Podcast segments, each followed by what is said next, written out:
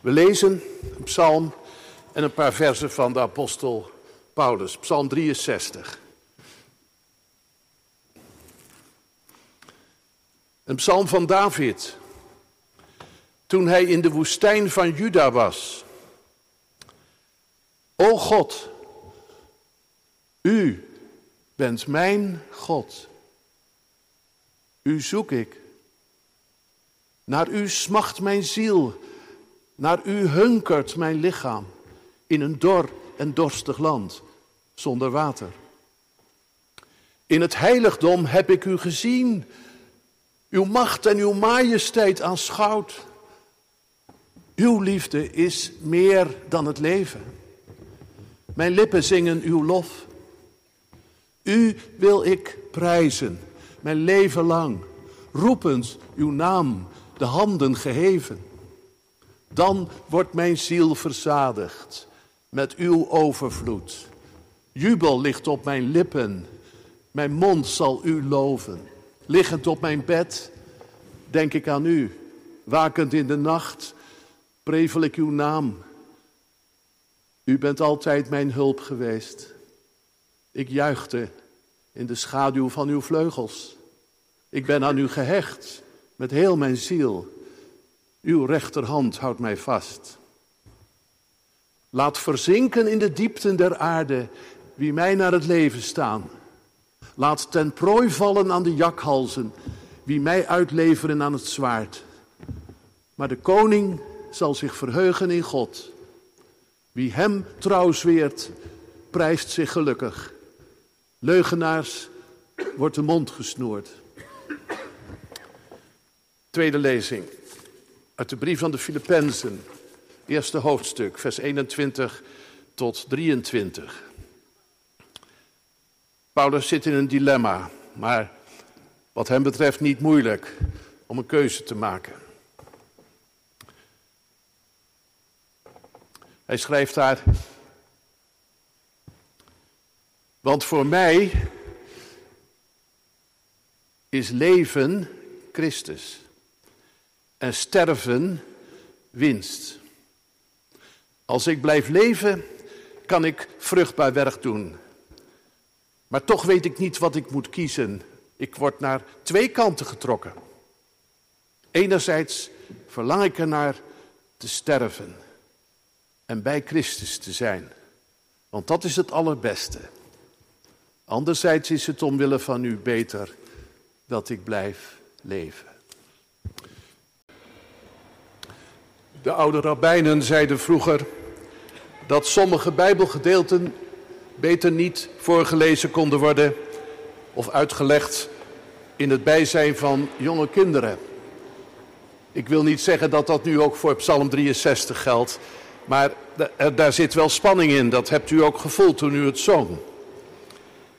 Na de verkondiging, ik zal de hele psalm met u proberen door te gaan.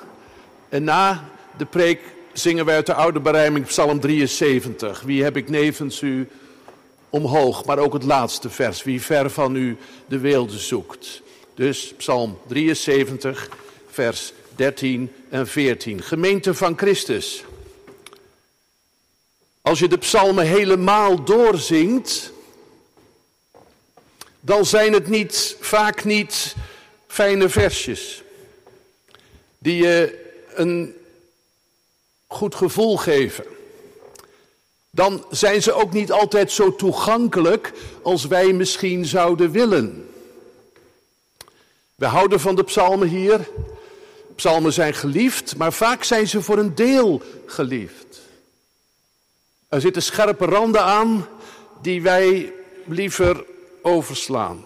Psalm 63 is zo'n lied dat wij denk ik zelden doorzingen tot het eind.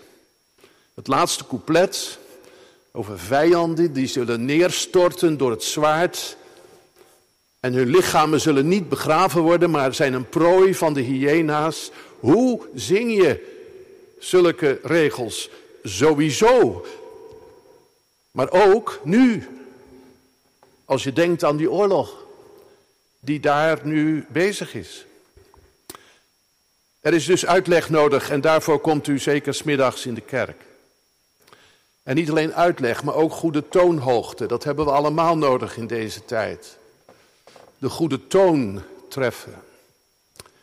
De toon van de psalmen is intens. In hoogte en diepte. Als een hert dat schreeuwt om frisse waterstromen. Zo smacht mijn ziel naar God. Maar ook uitbundig. Vers 5. Ik roep uw naam met geheven handen. Dus, gemeente, psalmen zijn er niet om bedaard te zingen. En slepend en ook in een zekere monotomie afgepast. Elke noot dezelfde lengte. Nee, er moet wel dynamiek in zitten. Daar is ook begeleiding van het orgel natuurlijk essentieel in. Ze zijn hartstochtelijk. In deze psalm en in vele klinkt het verlangen. En is je dat ook weer opgevallen in deze melodie ook? Het is natuurlijk een melodie uit veel later tijd, uit het eh, Geneefse psalter, 16e eeuw. Maar de componist heeft dat wel heel goed getroffen, vind ik. Die stijgende, smachtende lijn. Daar klinkt het verlangen in door. Naar God. Maar ook het verlangen naar de ondergang van leugenaars en verwoesters. Die zullen het niet winnen. Dus je voelt meteen aan, het is menens. Psalmen zetten ons in de realiteit van gemis en verlangen. En ze nemen ons mee in de strijd en in de overwinning. Ik kan mij voorstellen dat er psalmen gezongen worden door al die jonge mannen die uit Israël en wereldwijd zijn opgeroepen. Ik denk dat velen geen psalmen meer zingen, eerlijk gezegd, maar er zitten er ook genoeg tussen die dat van kinds af aan geleerd hebben en die ook als ze nu met een geweer in hun handen daar zijn, zingen, stilletjes misschien, op de vijand af. Dat bewustzijn is momenteel in Israël zeer sterk. Wij tegen de rest. Maar dan denk ik, zouden het inderdaad ook niet orthodoxe Joden zijn die deze psalm zingen in de woestijn die Gaza nu is. En die daar schuilplaats zoekt bij God. Gods liefde, Gods trouw, Gods goede tierenheid is voor mij meer dan het leven. Dat zou je zomaar kunnen zingen. Ik heb mijn leven over voor God in de strijd. En zou je niet hopen op de ondergang van de verwoesters en de terroristen. Wij kunnen dat niet zo doen.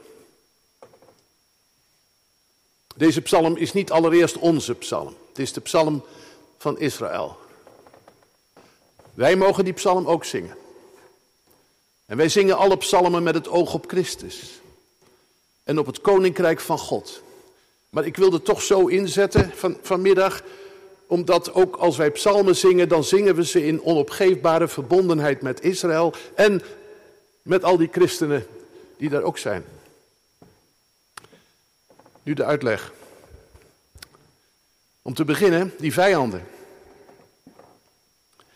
Die vijanden zitten in Israël zelf. Want je moet bij deze psalm beslist denken aan het conflict van David met zijn zoon Absalom. Je weet wel, die mooie jongen met zijn mooie praatjes die het hart veroverde van het volk. En op dit moment van de psalm zijn in Jeruzalem leugenaars aan het bewind.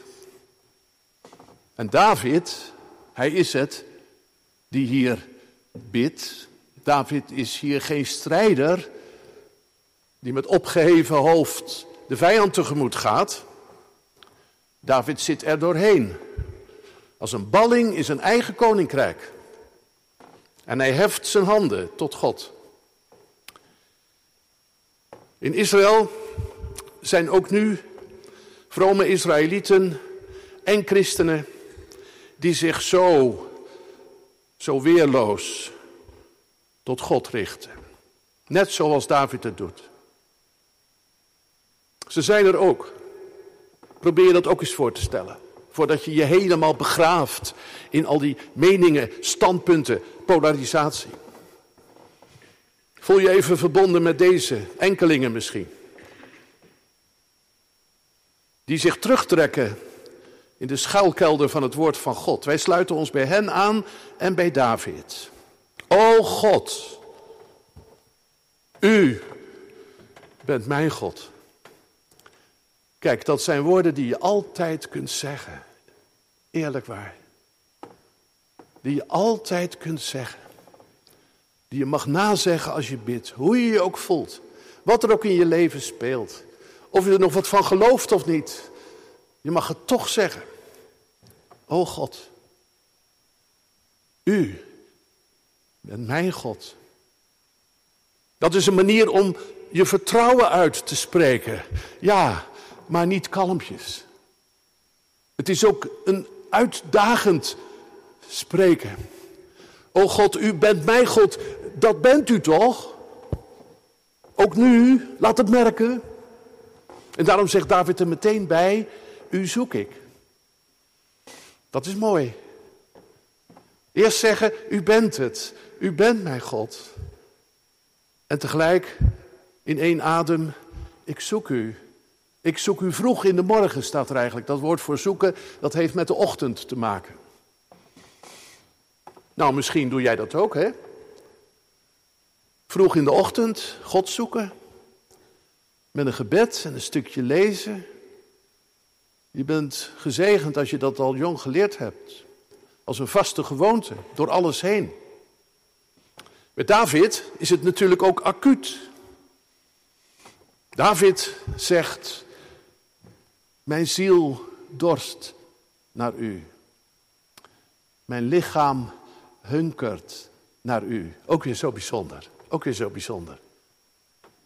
Het is uh, ziel en lichaam. Samen de hele persoon die je bent, je wezen. Want je wezen is niet alleen je innerlijk, echt niet. Wie je wezenlijk bent, dat is ook je lijf. Geloven doe je ook niet alleen van binnen, in je bewustzijn, met je denken en je voelen. Je hele lijf is erbij betrokken. En dat weet je als je ooit wel eens iets schokkends hebt meegemaakt. Toen iemand mij dat bericht bracht, kreeg ik een stomp in mijn maag. Ik voel het nog. Dat ben je ook. Je lijf. Ja, je moet eten. En ook vooral niet vergeten te drinken. Water drinken. Anders ga je dood. Als God nou je eten en drinken is. En dat wil Hij zijn. Dan kun je ook dorst hebben. Ik weet niet of je zulke taal ook wel eens uitslaat tegenover God. Ik heb zo'n dorst naar u. Nou, we zingen dat vers wat we dus voor de dienst zongen. Uit de bundel Opwekking. Als een hert, zo, zo verlangt mijn ziel naar u. Verlangen. Maar zeg ook eens dorst. Ik heb zo'n dorst. Je weet, Jezus heeft dat ook eens gezegd. Hij citeerde ook wel die psalm toen, denk ik. Ik heb zo'n dorst naar God, naar zijn aanwezigheid. Want ik zit in de woestijn. Het is dor en droog bij mij. Ja, dat is geloven toch ook. Dan houdt het geloof op die momenten niet op. Dan is het juist ook helemaal geloof. Als het dor en droog is. Wist je dat?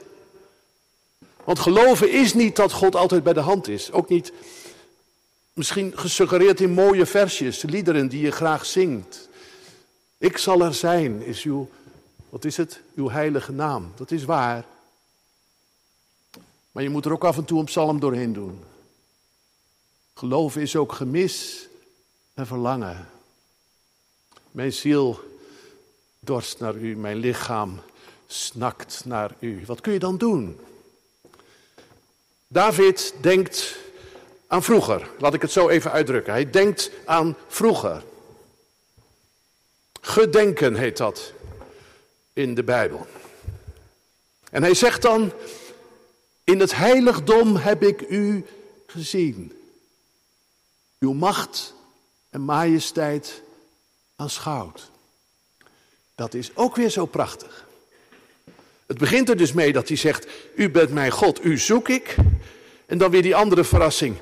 Ik heb dorst naar u, dat is dat fysieke, dat lichamelijke. Mijn lichaam hunkert naar u. En nu zegt hij weer zoiets bijzonders. Hij zegt, ik heb u gezien. Dat gaat weer over je, over je ogen dus, over je zintuigen. Kennelijk is dat ook belangrijk. Ik heb u daar in het heiligdom gezien. Ik heb uw macht en majesteit aanschouwd. In het heiligdom dus. Dat was toen nog niet de tempel. Je weet, die kwam later bij Salomo. Maar hij was er natuurlijk wel, dat heiligdom. En daar kon je alles zien. Met je eigen ogen. Het altaar, offerdieren, goud, de wierook. Priesters in hun witte kleren. De zangers met hun instrumenten. Alles was heiligheid en eerbied. En David zegt, ik heb u gezien. Uw macht en majesteit. En nu hij in de woestijn zit, ziet hij het weer voor zich. En die herbeleving, die brengt hem terug.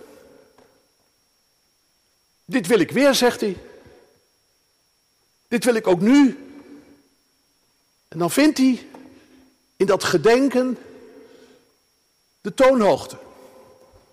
De toonhoogte van de lofprijzing. Ik doe weer mee. Want ik wil u prijzen in mijn leven. Mijn leven lang. En ik wil uw naam uitroepen met geheven handen. Hij is niet meer in Jeruzalem hoor. Maar weet je wat nou het mooie is? In die woestijn, in die dorheid, terugdenkend, dat je dan niet ver bent als je God gaat prijzen. God prijzen. O God, u bent mijn God. In de lofprijzing ben je nooit ver van huis. Nergens ver weg. Dan ben je verbonden. Ook al zit je daar in je eentje. En worstel je met van alles en nog wat. En als David dan s'nachts op zijn bed ligt en niet kan slapen, dan zegt hij, wakend in de nacht prevel ik uw naam.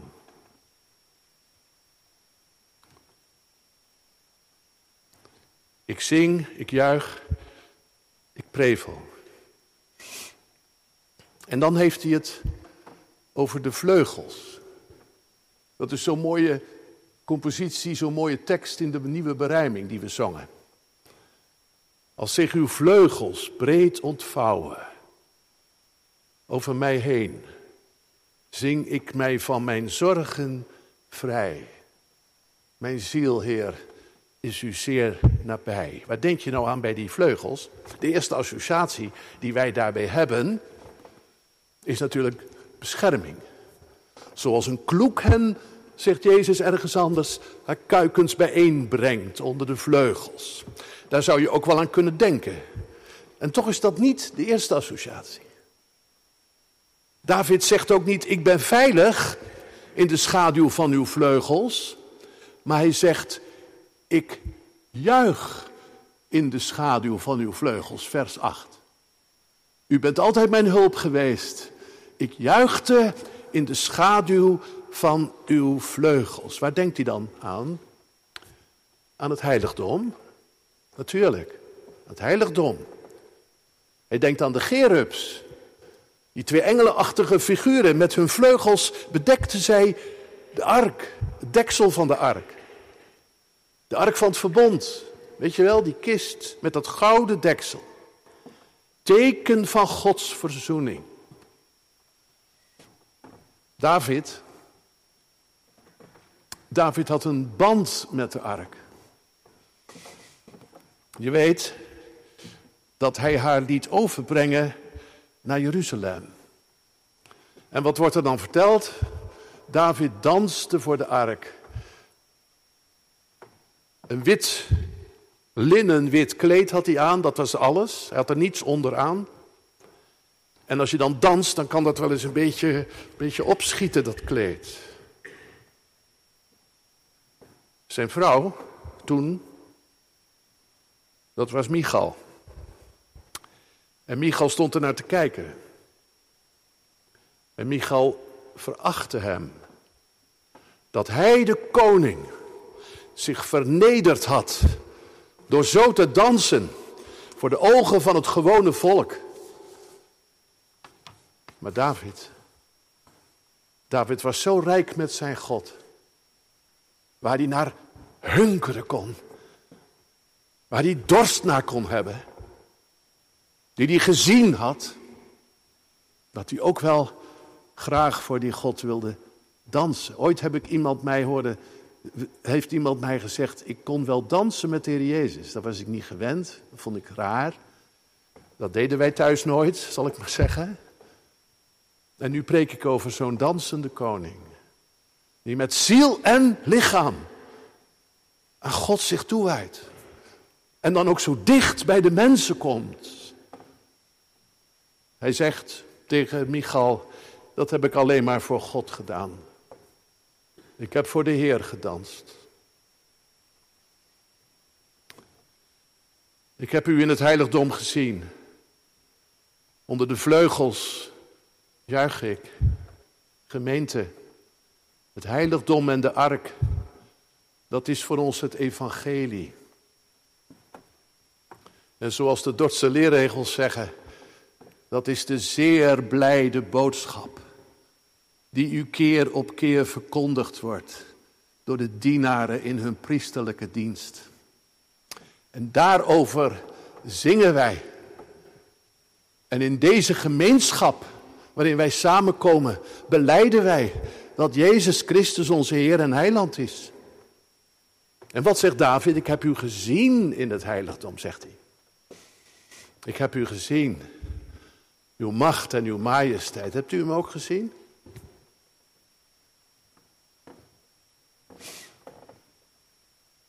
Het geloof leeft van de zintuigen ook. Ik bedoel, de indrukken die je opdoet. De sfeer hier in het huis van God. Als de lofzang klinkt. En als de heilige bediening plaatsvindt van de verzoening. Nou ja, misschien heb jij andere associaties. Eh, dat je zegt, die kerk met een orgel en psalmen, dat is niet helemaal mijn ding. Nou ja, dan hoop ik maar dat jij hem ook wel gezien hebt. De Heere God, de Heer Jezus, toen je samenkwam met andere muziek. Hè? Dat is ook, kan ook hoor, tuurlijk. En de handen geheven, ook in orde. Maar hebt u hem ook gezien? Die indrukken. Dat is toch genade in je leven. Ook in donkere nachten. Daar kun je op teruggrijpen. Als je slecht slaapt, vanwege je eigen woestijn of die van je kinderen of die van de wereld, dan kan je een psalm opzeggen die als kind leerde. En het is niet alleen die tekst van een psalm, dat natuurlijk zeker. Het is ook de toonhoogte. De toonhoogte waarop je die psalm hebt horen zingen, terwijl misschien je vader of je opa, zoals ik, naast je had zitten. Die kon helemaal niet zingen, die man. Maar bij sommige psalmen denk je nog aan hem. Dat is goed. Dat voedt ook het geloof. Geloven is meer dan denken. Geloven is ervaren. Je handen heffen, je lichaam gebruiken. En als je die psalmen dan opzegt, dan krijg je weer zo'n dorst naar God. Dat is goed. Dat is goed. Als wij dorst krijgen naar God. Dan zeg je ook, net als David, meer dan leven is uw liefde, uw goede tierenheid, staat er in de oude vertaling. Uw goede tierenheid, meer dan het leven. Nou, het leven, dat is toch goed, het leven? Wij leven toch wel graag, denk ik. De meeste van ons leven graag hoor. En dat is ook helemaal de bedoeling van de schepper. Hij heeft ons gemaakt om hier te leven. Maar Gods liefde, Gods trouw, Gods goede tierenheid is meer. Dat wil zeggen, dan leef je het leven voller. Want je moet niet verliefd zijn op dit leven. Hoor je wat ik zeg? Niet verliefd zijn op dit leven. Of dat het helemaal is. Ga je daarvoor, voor dit en niks meer? Je hebt toch een God? En die God is genoeg. Die God is meer dan genoeg, meer dan het leven. O God, u bent mijn God. Paulus zegt het zo, leven, dat is voor mij Christus. Met alles erop en eraan zal ik maar zeggen, maar altijd Christus. En hoe dichter bij Hem, hoe liever. Ik leef nog bij jullie omdat het nodig is. Maar dichter bij Hem zijn is verreweg het beste. En dan valt het woord verzadiging. Belangrijk woord in deze psalm. Als ik mijn handen ophef naar u, dan word ik verzadigd. Wanneer zeg jij, nou ben ik verzadigd? Dat zeg je meestal niet na een gewone maaltijd, een lunch of het avondeten. Dat kan je wel eens zeggen, maar je zegt ik ben verzadigd als je wel een heel chic en goed en lekker diner achter de rug hebt. Zo'n buffet. Dan zeggen wij, we zijn verzadigd. Dat heeft dus met overvloed te maken. En zo staat het er ook. Met overvloed, met uw overvloed ben ik verzadigd. Mijn ziel verzadigd met uw overvloed. Vers 6. Velen van u kennen natuurlijk die oude berijming, waarin staat dat uh, mijn ziel met vet en smeer verzadigd wordt. Vet en smeer, dat vond ik hoogst merkwaardige woorden in een psalm. Vooral dat smeer. Ja, dat smeer dat is een ouderwets Nederlands woord, dat kennen we helemaal niet meer. Dat gebruiken wij voor andere dingen. Maar dat vet, dat is wel heel mooi hoor. Want daar wordt ook iets mee bedoeld. David zegt, ik word dus met vet en overvloed, vet in overvloed verzadigd. Waar gaat dat over? Dat gaat weer over het heiligdom. Met de offerdieren en het vet van de dieren. Dat werd in die tijd beschouwd als het beste vlees. Je leest al van de eerste mens, Adam en Eva en dan Abel. Abel offerde van zijn dieren en hun vet, staat erbij. Dat vet mocht in het heiligdom niet gegeten worden. Ook niet door de priesters. Dat moest werkelijk in vlammen opgaan om alleen voor God te zijn. Exclusief voor de Heere God. Dus als je verzadigd wordt met vet en overvloed, dan kan je ook zeggen dat je verzadigd wordt met wat van God is. Met God zelf. Voldaan zijn met God. De Heer is mijn herder. Ik kom niets tekort, mij ontbreekt niets, terwijl je het moeilijk hebt. Terwijl je onzeker bent. Ja dan, maar ook hopelijk als het je goed gaat. En velen van u en van jullie gaat het gewoon goed. En dat je dan toch zegt, hopelijk ook soms als je uit de kerk komt, wat ik hier vind, dat smaakt me toch het beste. Als ik psalmen zing, als ik thuis kom bij God. Wie heb ik in de hemel, Heer? Behalve u. Mijn troost en eer. Wat kon op aarde mij bekoren? Alleen bij u wil ik behoren. Verzadigd met God, dat doen wij hier. Als die tafel klaar staat. Als het avondmaal wordt gevierd. Dan eten en drinken we. Daar heb je weer ons lichaam. God heeft ons met een lichaam geschapen. Hij wil ons ook in het lichaam, in het lichaam van Christus, verlossen. We eten het lichaam en bloed. De liefde en de trouw van Gods Zoon. In het heiligdom heb ik u gezien. Ik weet van iemand hier vroeger. Die zat dan wel eens op een plek aan de tafel dat hij het niet helemaal goed kon zien. Dat het brood gebroken werd. En dan ging hij helemaal zo opzij, zo kijken. Want hij wilde het zien. Zo zeker als je ziet dat het gebroken wordt.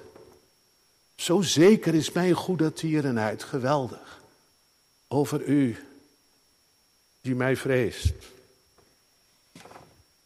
Verzadiging. Nog een toevoeging. Niet uit deze psalm en ook weer wel uit deze psalm. Die verzadiging, daar kun je een verkeerde kant mee opgaan. Het kan egoïstisch worden. En deze tijd geeft ook aanleiding soms tot dat misverstand. Dat christenen denken, ja, het leven is zo ingewikkeld. Ik voel me ook machteloos. Wat kunnen we eraan doen? Het milieu, oorlog, ongelijke verdeling. Wat moeten wij zeggen?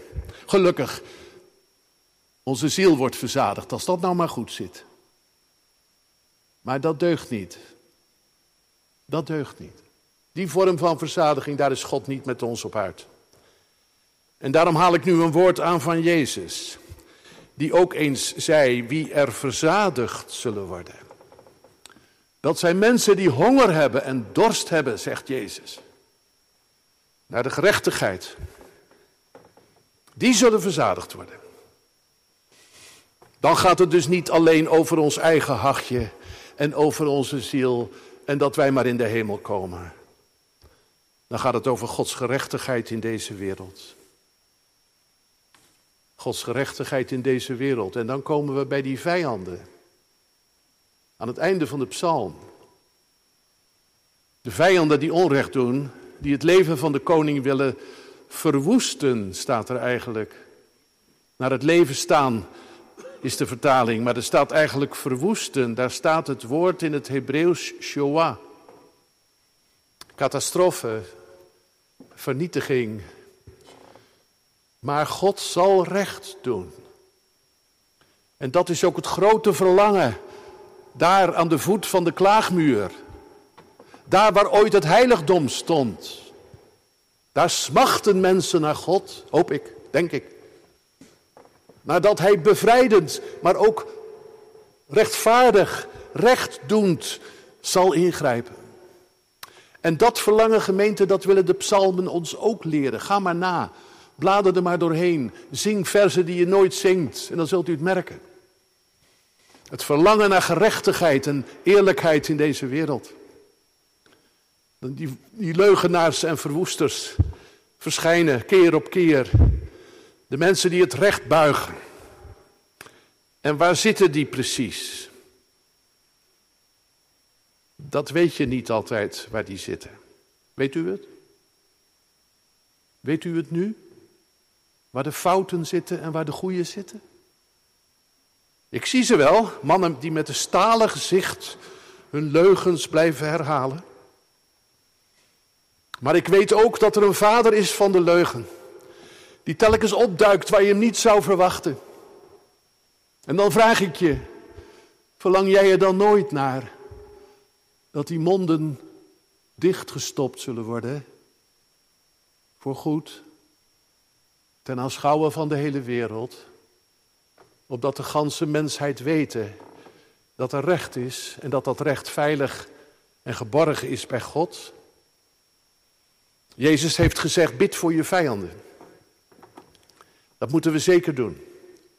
Met name op persoonlijke vlak. Maar we mogen ook gerust bidden om het oordeel over alle verwoesters en leugenaars. Psalmen hebben een scherpe rand. Gelukkig wel. Uiteindelijk ik zei het al aan het begin, zingen wij onze psalmen met het oog op Jezus. Alle psalmen, uiteindelijk gaan ze allemaal ook over Hem. En dat zie je aan het slot. De koning staat er, verheugt zich in God.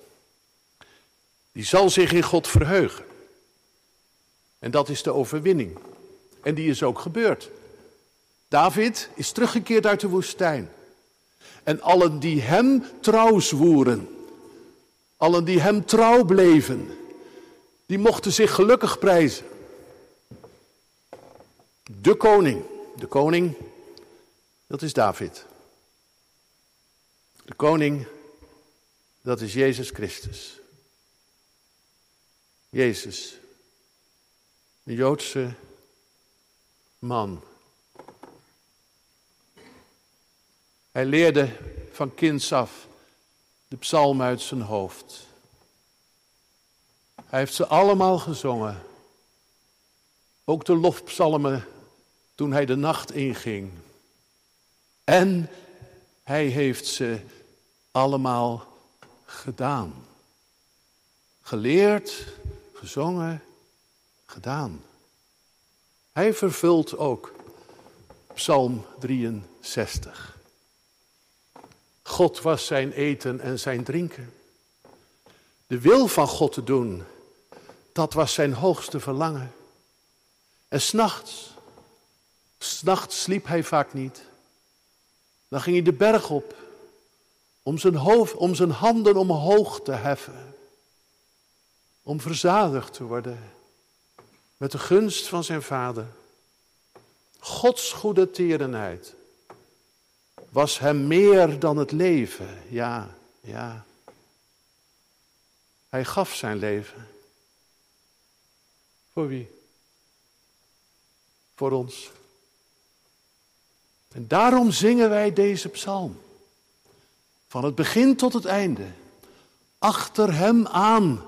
Met een steeds groter verlangen. Uw koninkrijk komen. Amen.